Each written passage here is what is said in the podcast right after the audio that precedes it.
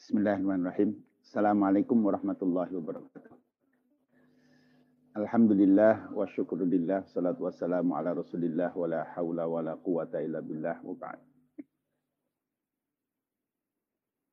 Bapak Ibu yang saya hormati, pagi ini kita akan melanjutkan kajian tafsir surat Yunus.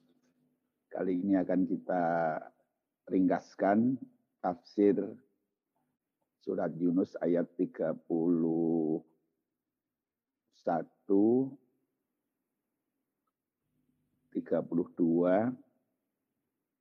dan 33 ya. A'udzu billahi minasyaitonir rajim. Bismillahirrahmanirrahim. Qul katakanlah Muhammad man siapakah yarzukukum yang memberi rezeki kalian minas sama iwal ardi dari langit dan dari bumi.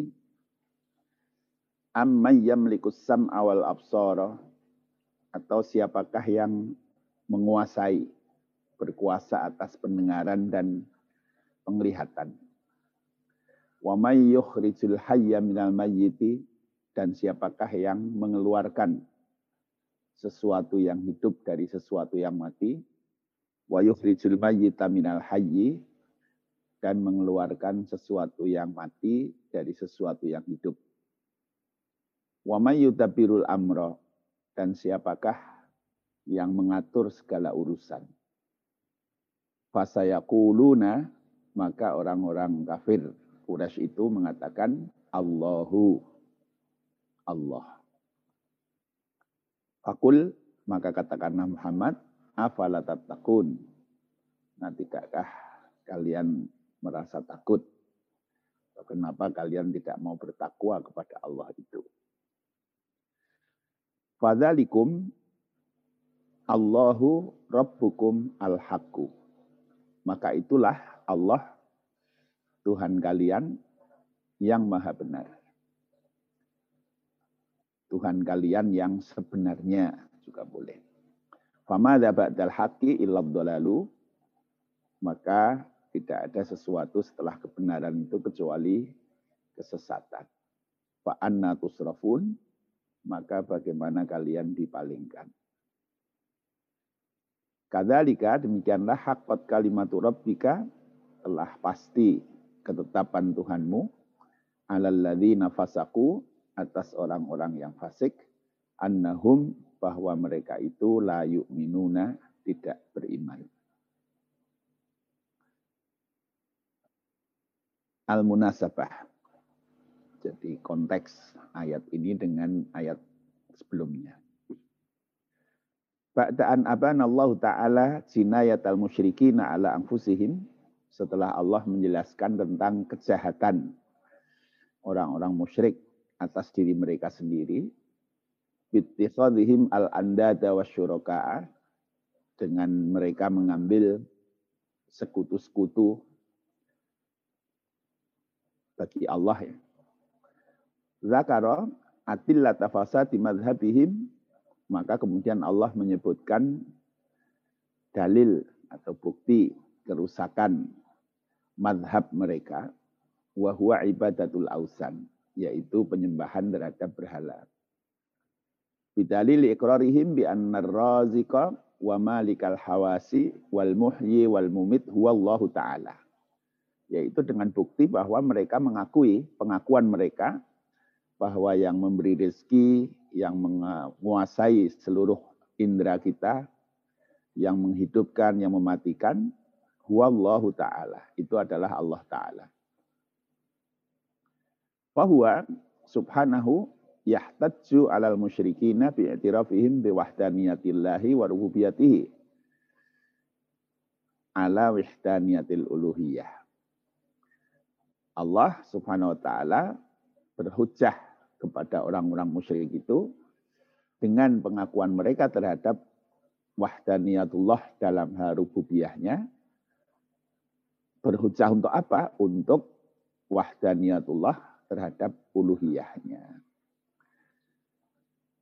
Jadi orang-orang musyrik ini, orang-orang musyrik Makkah pada saat itu ya, secara umum itu mengakui bahwasanya Allah adalah yang memberi rezeki, yang menguasai seluruh indera mereka, ya, memberi penglihatan, memberi pendengaran, yang mematikan, yang menghidupkan. Jadi kalau mereka tanya siapa yang melakukan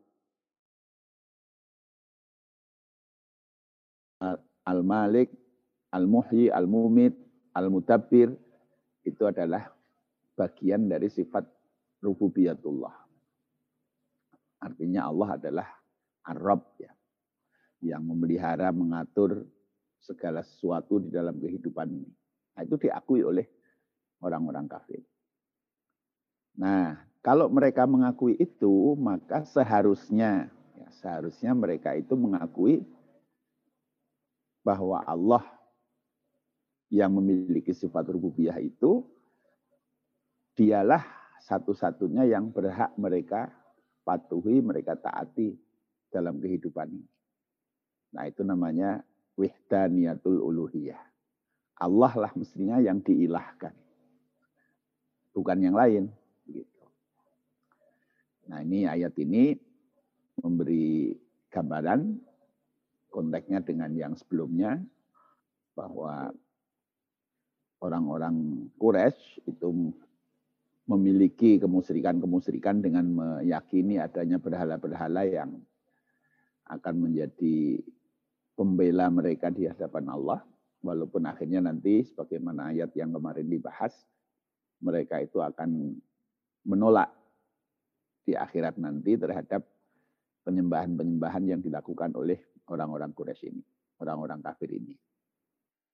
Nah, kemudian pada bagian ini Allah menunjukkan ketika mereka mengakui rububiyatullah, mestinya mereka juga mengakui uluhiyatullah. Tafsir wal bayan. Ma min insanin sawiyin akilin illa wa yahussu fi amaki nafsihi biwujudillahil khaliq. Tidak ada seorang manusia yang sempurna, yang berakal, kecuali dia merasakan di dalam kedalaman jiwanya tentang keberadaan Allah yang Maha Al-Khaliq. Jadi seluruh, seluruh manusia itu seharusnya dan semestinya mereka ini punya perasaan itu.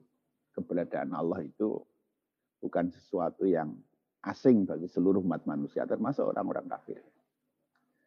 Walabutta min ayyamurra fi khotirihi yaumamma wa muddatan min tafkirin aw syu'urin murahafin bi annahu bi asyatil hajah ila qudratillah bi tafriji kurbihi wa najatihi min mihnatihi.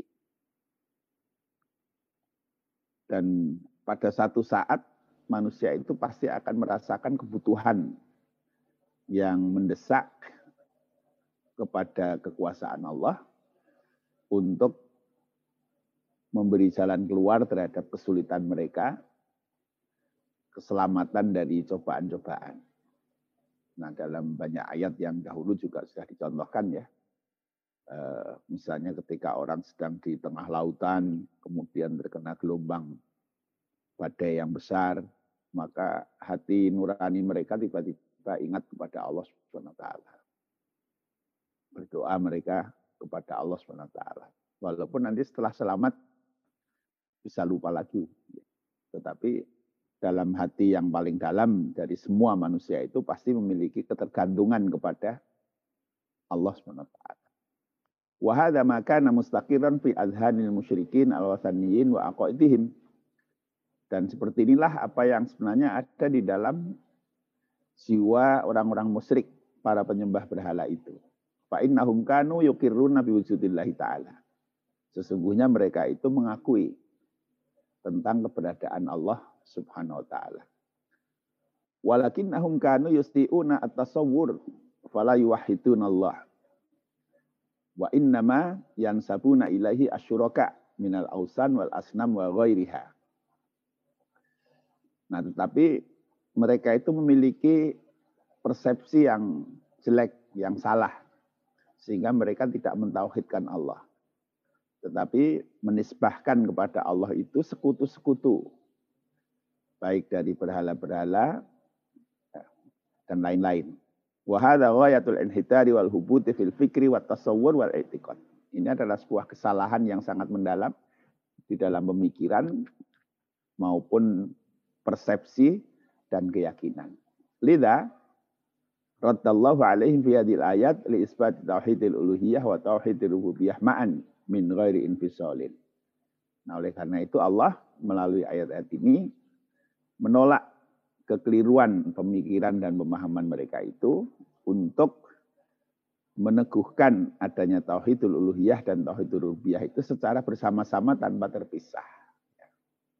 Jadi kalau tauhidul rububiyahnya itu diakui oleh mereka, maka seharusnya mereka juga mengakui tauhidul uluhiyah. Jadi kalau mereka mengakui bahwa yang menciptakan, yang memberi rezeki, yang mengatur segala sesuatu dalam hidup mereka itu adalah Allah, maka mestinya seharusnya mereka itu juga menjadikan Allah sebagai satu-satunya ilah. Satu-satunya yang dipatuhi, ditaati di dalam kehidupan mereka. Jadi tidak kok mereka mengakui rububiyatullah, Allah yang memberi rezeki, yang menciptakan, yang mengatur. Tetapi begitu menyembah, nyembahnya kepada selain Allah. Taat dan patuhnya dalam hidup mereka itu kepada selain Allah. Nah, ini namanya split. Jadi ada tidak konsisten antara pengakuan mereka terhadap kekuasaan Allah ya sebagai Rabb dengan konsekuensi dari kehidupan mereka yang justru taat patuh kepada selain Allah Subhanahu wa taala. Nah, ini namanya antara rububiyah dengan uluhiyah itu mengalami infisol ya, mengalami split, mengalami keterpisahan.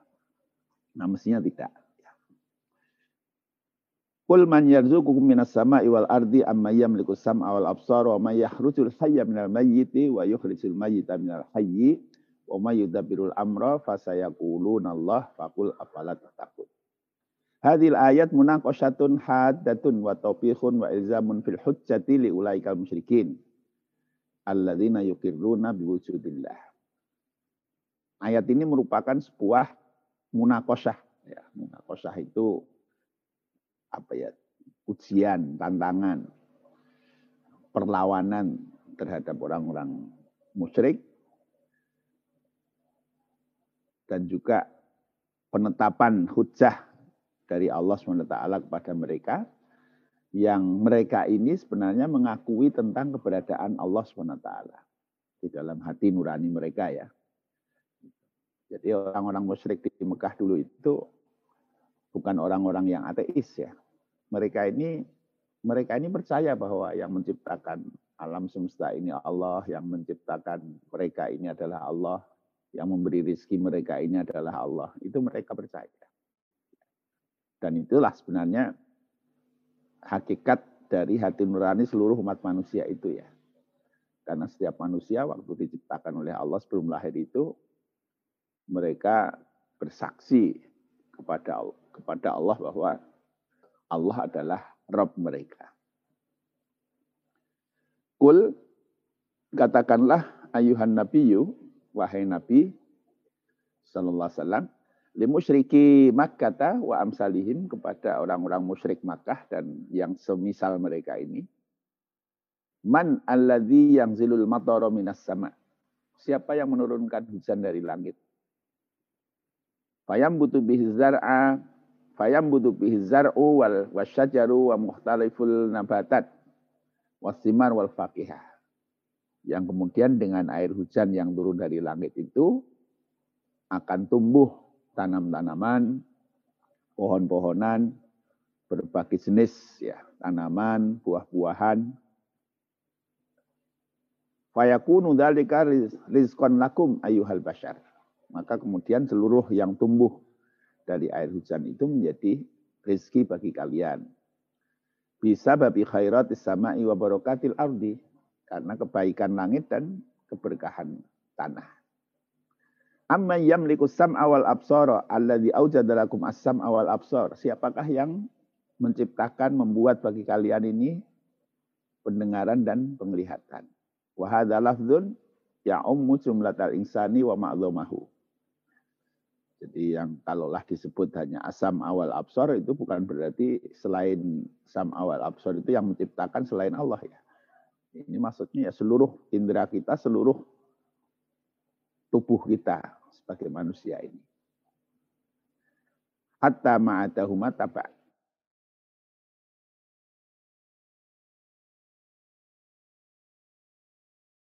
Man yahrujul hayya minal mayyiti alladhi yahabul hayata wa yuzayyiluha bil maut. Yang mengaruniakan kehidupan, kemudian menghilangkan kehidupan itu dengan kematian. Wa yahrujul hayya minal mayyiti maka Allah mengeluarkan sesuatu yang hidup dari sesuatu yang mati. Kal janin minan nutfah. Misalnya dari lahirnya janin dari nutfah. Ya Ya kalau nutfah dalam teori biologi ya dia sesuatu yang hidup ya. Tapi mungkin sebelumnya ini dari unsur-unsur yang belum hidup ya. Belum hidup. Sampai pada satu saat kemudian dihidupkan oleh Allah. Ya. Misalnya ketika masih dalam unsur-unsur kimia yang terpisah-pisah ya mereka tidak disebut sebagai makhluk hidup. Tapi begitu sudah menjadi nutfah, ya dia sudah menjadi unsur yang hidup. Nah, nutfah ini berasal dari sesuatu yang sebelumnya mati.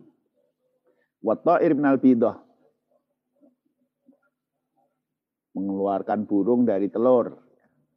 Sama ya, telur juga dikatakan apa hidup apa mati. Tapi sebelumnya telur itu berasal dari zat-zat yang mati. Wan nabat minal ardi. Misalnya tanam-tanaman, tumbuh-tumbuhan di sekitar kita ini hidup. Nah, dia berasal dari zat-zat yang mati. Dari nitrogen, dari macam-macam yang ada di dalam tanah. Idlahu numuwun syabihun bil hayatil harokiyati. Jadi nabat ini disebut sebagai sesuatu yang hidup nah, karena dia melakukan pertumbuhan nah, sehingga memiliki kemiripan dengan kehidupan yang bergerak. Wa yuhrijul mayyita minal hayyi alladhi yuhrijul mayyita minal hayyi misal bidati minat ta'ir wal hubbi wan nawa minaz zar'i wasyajar. Misalnya menghidupkan ah, mengeluarkan sesuatu yang mati dari sesuatu yang hidup. Misalnya mengeluarkan telur dari burung, mengeluarkan biji-bijian dari tanam-tanaman dan pohon-pohon, Wa hunalika amsalatun ilmiyatun ukhra li ikhrajil hayy minal mayyit kal ghidha'il mahruk alladhi yatanawaluhu insan. Demikian juga ada contoh-contoh yang secara ilmiah bisa kita pelajari ketika Allah mengeluarkan sesuatu yang hidup dari sesuatu yang mati. Misalnya makanan yang kita cerna, nah kemudian fayatawallatu min hutam, kemudian berubah menjadi darah.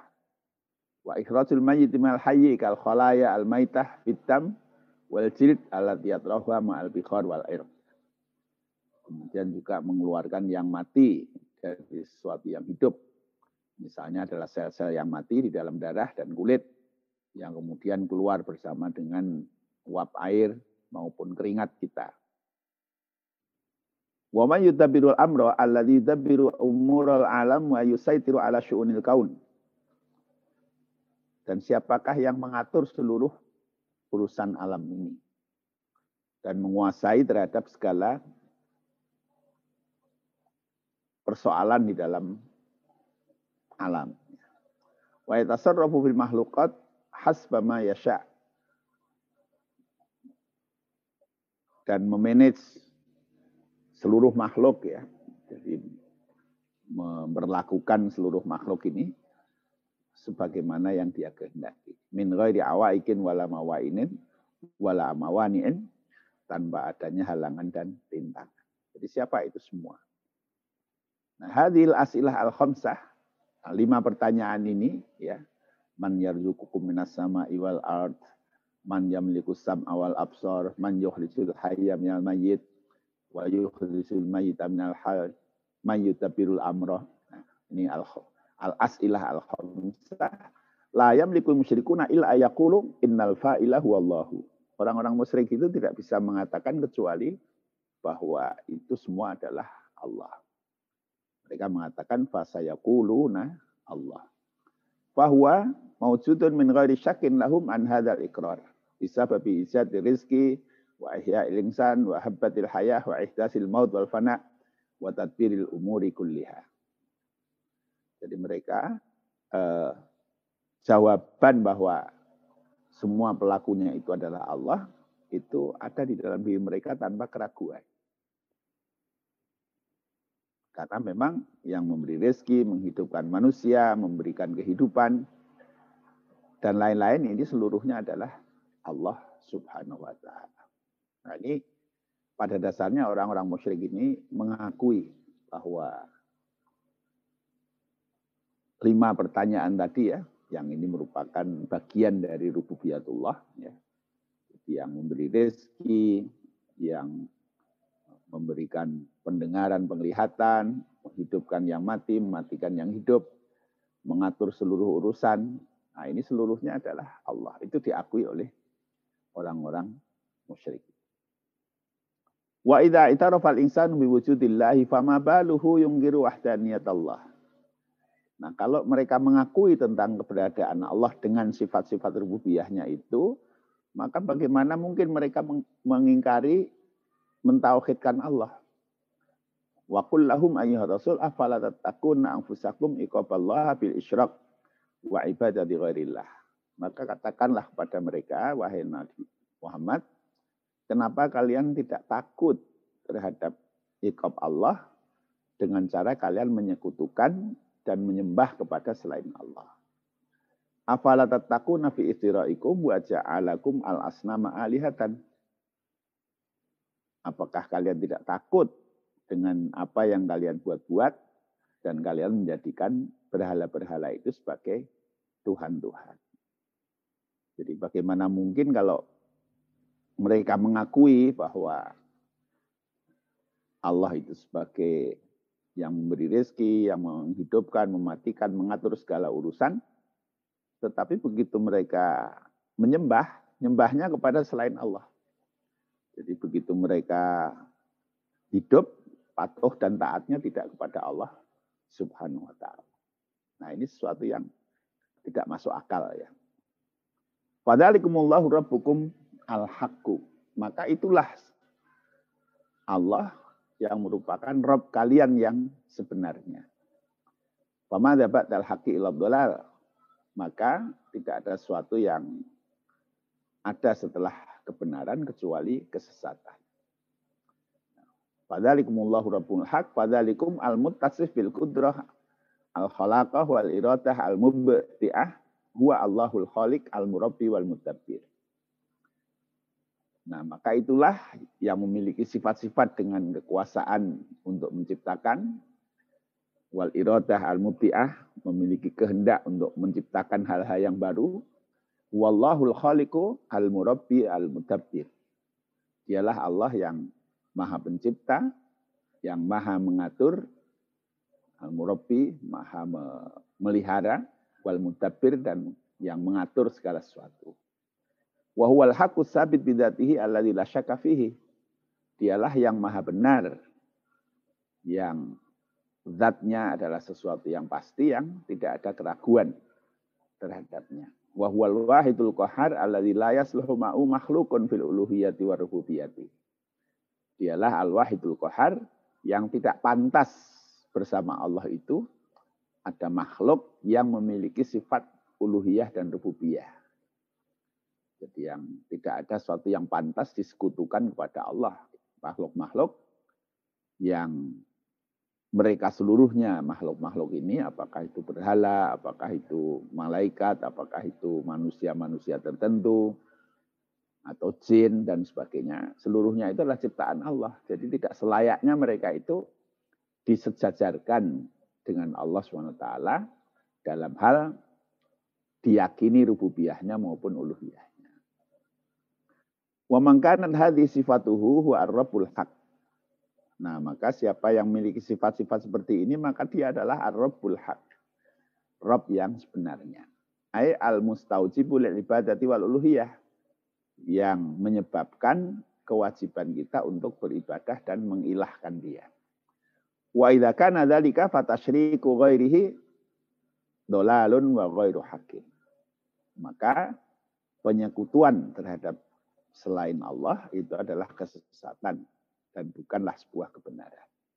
Fama dabat al haqi ila dolal Walai safi mawara al haqi ila wal batil.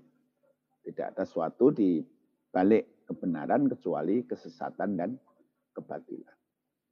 Wa may yatajawazil haqqo alladhi huwa ibadatullahi wahdahu wa qafid Maka yang melampaui batas kebenaran yang batas kebenaran itu adalah ibadatullahi wahdah waqa'a fid maka pasti dia akan jatuh ke dalam kesesatan.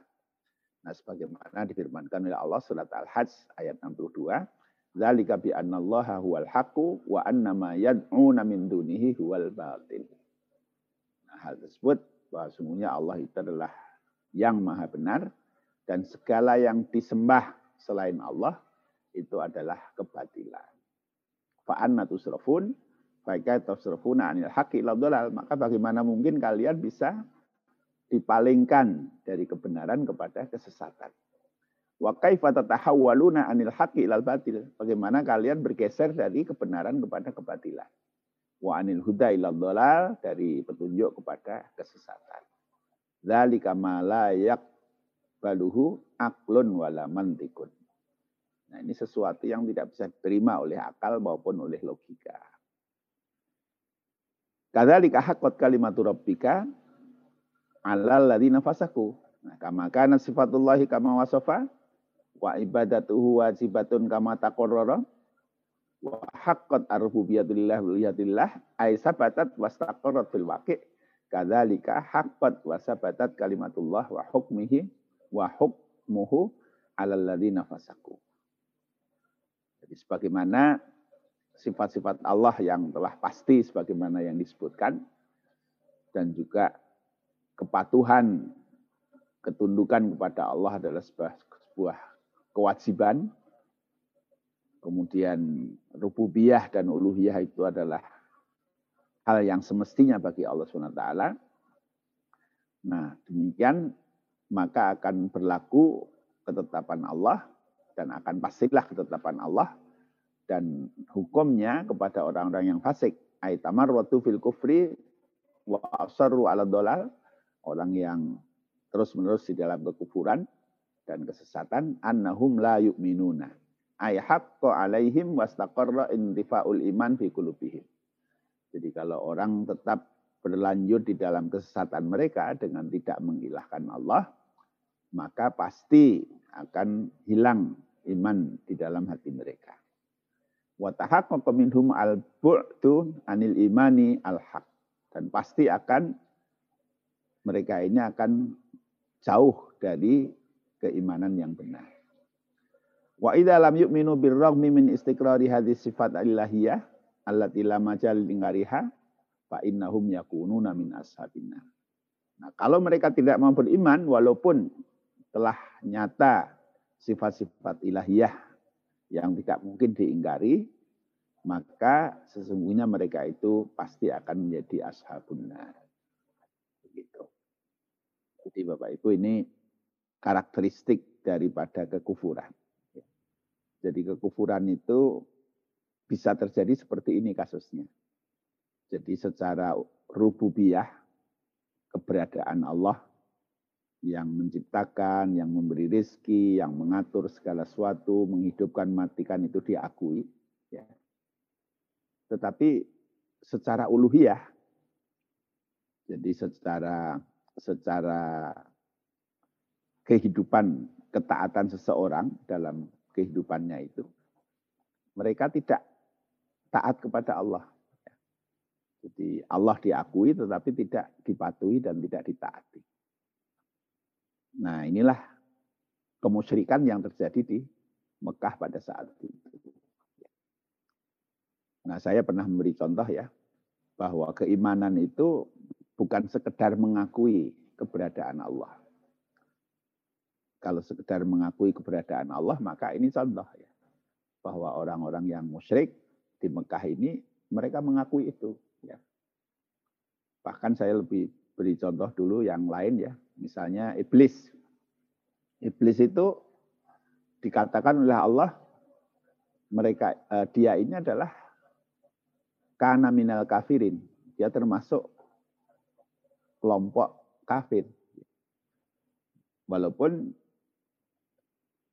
Bapak Ibu pasti percaya kalau iblis ini sebenarnya bukan menolak, bukan tidak percaya bahwa Allah itu ada, bahwa Allah itu yang mengatur segala sesuatu, bahwa Allah itu yang menyiapkan, menciptakan segala sesuatu. Ya dia percaya sekali. Ya, tetapi sekedar dia percaya bahwa Allah itu ada, Allah itu menciptakan segala sesuatu, mengatur segala sesuatu, itu belumlah iman. Ya, itu belumlah iman. Jadi seorang yang beriman itu apabila dia sudah percaya kepada Allah dengan segala sifat-sifatnya itu, kemudian dalam hidupnya itu dia mengilahkan Allah. Nah, ini namanya tauhid uluhiyah itu. Jadi ilah itu adalah sesuatu yang dicintai, dipatuhi, ditaati. Jadi Allah yang dia percayai, itulah yang kemudian dia taati, dia patuhi, dia taati di dalam kehidupan dia. Jadi kalau dia percaya kepada Allah, misalnya, oh ketuhanan yang Maha Esa, misalnya ya, itu dianggap sebagai sesuatu yang merepresentasikan kepercayaan orang kepada Allah. Nah tetapi di dalam hidupnya itu, dia jauh dari ketaatan kepatuhan kepada Allah, maka itu belum menggambarkan keimanan. Jadi keimanan itu ketika seseorang sudah sampai kepada mengilahkan Allah mentauhidkan Allah secara uluhiyah. Nah, makanya pernyataan iman di dalam Islam ini adalah la ilaha illallah. La ilaha illallah. Jadi tidak ada yang diilahkan kecuali hanya Allah. Fikhul hayati awil ahkam. Awalan, Allah Ta'ala huwa ar-razzaqu al-mutasarrifu fil mulki wal khalqi wal izati wahdahu. Al muhyi al mumit al mudabbir amrul kauni wal alami. Jadi Allah taala adalah yang memberi rezeki yang mengatur segala kekuasaan makhluk mewujudkan sesuatu secara sendirian. Yang menghidupkan yang mematikan. Yang mengelola seluruh urusan alam ini yang kedua, mangkan hadhi kudratuhu wa rahmatuhu wa yaf'alu hadil asya huwa rabbukum al-haqqu. As-sabitu rububiyatuhu sabatan la roiba fihi. Nah, kalau Allah yang memiliki sifat-sifat seperti ini dengan kuasaan seperti ini, maka dialah Rabb yang sebenarnya. Yang rububiyahnya itu adalah sesuatu yang pasti yang tidak ada keraguan-keraguan. Wa bima Allah ta'ala wal haqqul mubin wajaba ayyakuna masiwahu dolalan li anna naqidaini la yastami'ani. Fa idza kana ahdu mahaqqan wajaba ayyakuna masiwahu batilan. Nah, kalau Allah itu adalah al-haqqul mubin, maka selain Allah itu adalah dolalan. Karena tidak mungkin dua hal yang bertentangan itu akan bertemu. Kalau salah satunya adalah benar, maka yang satu pasti batil. Jadi yang dipertuhan selain Allah itu adalah kebatilan. Al-aqil yaltazimul makul. Orang yang berakal, dia akan berkomitmen dengan sesuatu yang masuk akal. Lida Allah ta'ala al musyrikin al khurus anda idatil makul biqaulihi fa'anna tusrafun. Nah, oleh karena itu Allah SWT mempersoalkan orang-orang musyrik ini karena mereka keluar dari sesuatu yang masuk akal. Sehingga mereka Allah mengatakan fa'anna tusrafun. Nah, kenapa Anda kok bergeser? Dalam hal ini, ini, ini, ini Anda terima, tetapi tiba-tiba dalam hal ketaatan Anda dalam hidup ini, Anda ngambil yang baik. Nah, ini sesuatu yang tusrafun. Ai kaifatas tajizun al-adul an hadil an Wa kaifa tusrafuna uqulakum ila ibadati ma la yarzuqu wa la yahya wa la yumit. Wa la yuhyi wa la yumit. Jadi bagaimana mungkin kalian bergeser dari kebenaran yang nyata ini dan kalian eh, akal-akal kalian bergeser kepada penyembahan kepada sesuatu yang tidak bisa memberi rezeki, tidak bisa menghidupkan, tidak bisa mematikan. Al-Khulasah, Innal mantika yakdi fit taswiyati bainal ikrari wujudillah wa bainal i'tiraf bi wahdaniyatillah. Sesungguhnya secara logika, logika kita itu mengharuskan adanya kesetaraan antara pernyataan kita dengan keberadaan Allah sebagai Rabb dan pengakuan kita dengan mentauhidkan Allah. Wala yakilu at-tafriqu bainahuma dan tidak masuk akal kalau kita memisahkan antara rububiyah dan uluhiyah ini. Wa man amana bi wujudillahi fa alaihi ayyumina bi tauhidillah. Maka barang siapa yang beriman dengan keberadaan Allah, maka baginya harus beriman kepada tauhidullah. Wa hadza uslubun fi isbati tauhid min tariqil akli wal fikril mujarrad. Nah, ini adalah sebuah metode yang dipakai oleh Allah dalam dalam mengokohkan tentang ketauhidan itu dengan cara logika dan pemikiran yang bersih. Li'anna tauhid al-uluhiyah wa rububiyah mutalazimani. Karena sebenarnya tauhid uluhiyah dan rububiyah itu dua hal yang yang memang sudah seharusnya begitu. Nah, di dalam pelajaran akidah kita mengenal ada dalilut talazum. Ya. Jadi kalau misalnya kul a'udzu birabbin nas, malikin nas, ilahin nas. Jadi kalau orang mengakui rububiyatullah, mestinya dia mengakui mulkiyatullah, mestinya dia mengakui uluhiyatullah. Nah, itu dalilut talazum. Jadi kalau orang mengakui ini seharusnya dia begini, seharusnya dia begini. Gitu. Jadi tauhid uluhiyah dan rububiyah ini talazum, jadi satu kemestian.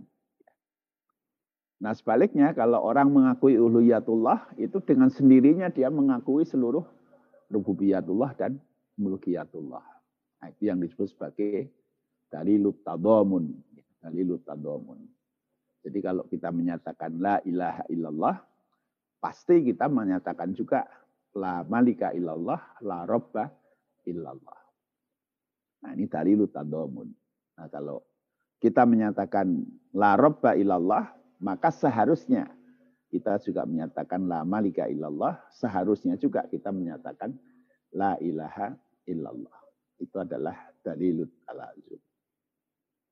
Nah, mudah-mudahan eh, dengan memahami ayat ini, eh, ini mengokohkan akidah kita bahwa ketika secara hati nurani kita sebagai manusia itu memiliki keterikatan, ketergantungan kepada Allah Subhanahu wa taala dan mengakui tentang kekuasaan Allah yang menciptakan kita, menciptakan segala alam semesta ini, mengatur segala sesuatu, menentukan hidup dan mati kita, maka semestinya nah kita ini hidup kita memang hanya patuh dan taat kepada Allah Subhanahu wa taala. Kepatuhan kita, ketaatan kita kepada selain Allah ini bersyarat ya. Syaratnya adalah tidak menyimpang dari ketaatan kita dan kepatuhan kita kepada Allah Subhanahu wa taala. Nah, itulah substansi dari iman, substansi dari tauhid kita. Demikian Bapak Ibu, mudah-mudahan ini menguatkan pemahaman kita terhadap prinsip akidah yang merupakan salah satu dari topik penting yang dibangun oleh Rasulullah melalui petunjuk-petunjuk Allah ketika beliau masih uh, berada di Mekah. Nah, fase di Mekah ini adalah fase mengokohkan prinsip-prinsip keyakinan di dalam kehidupan kita ini. Nah, salah satunya adalah masalah-masalah akidah. Demikian, bila taufiq hidayah. Assalamualaikum warahmatullahi wabarakatuh.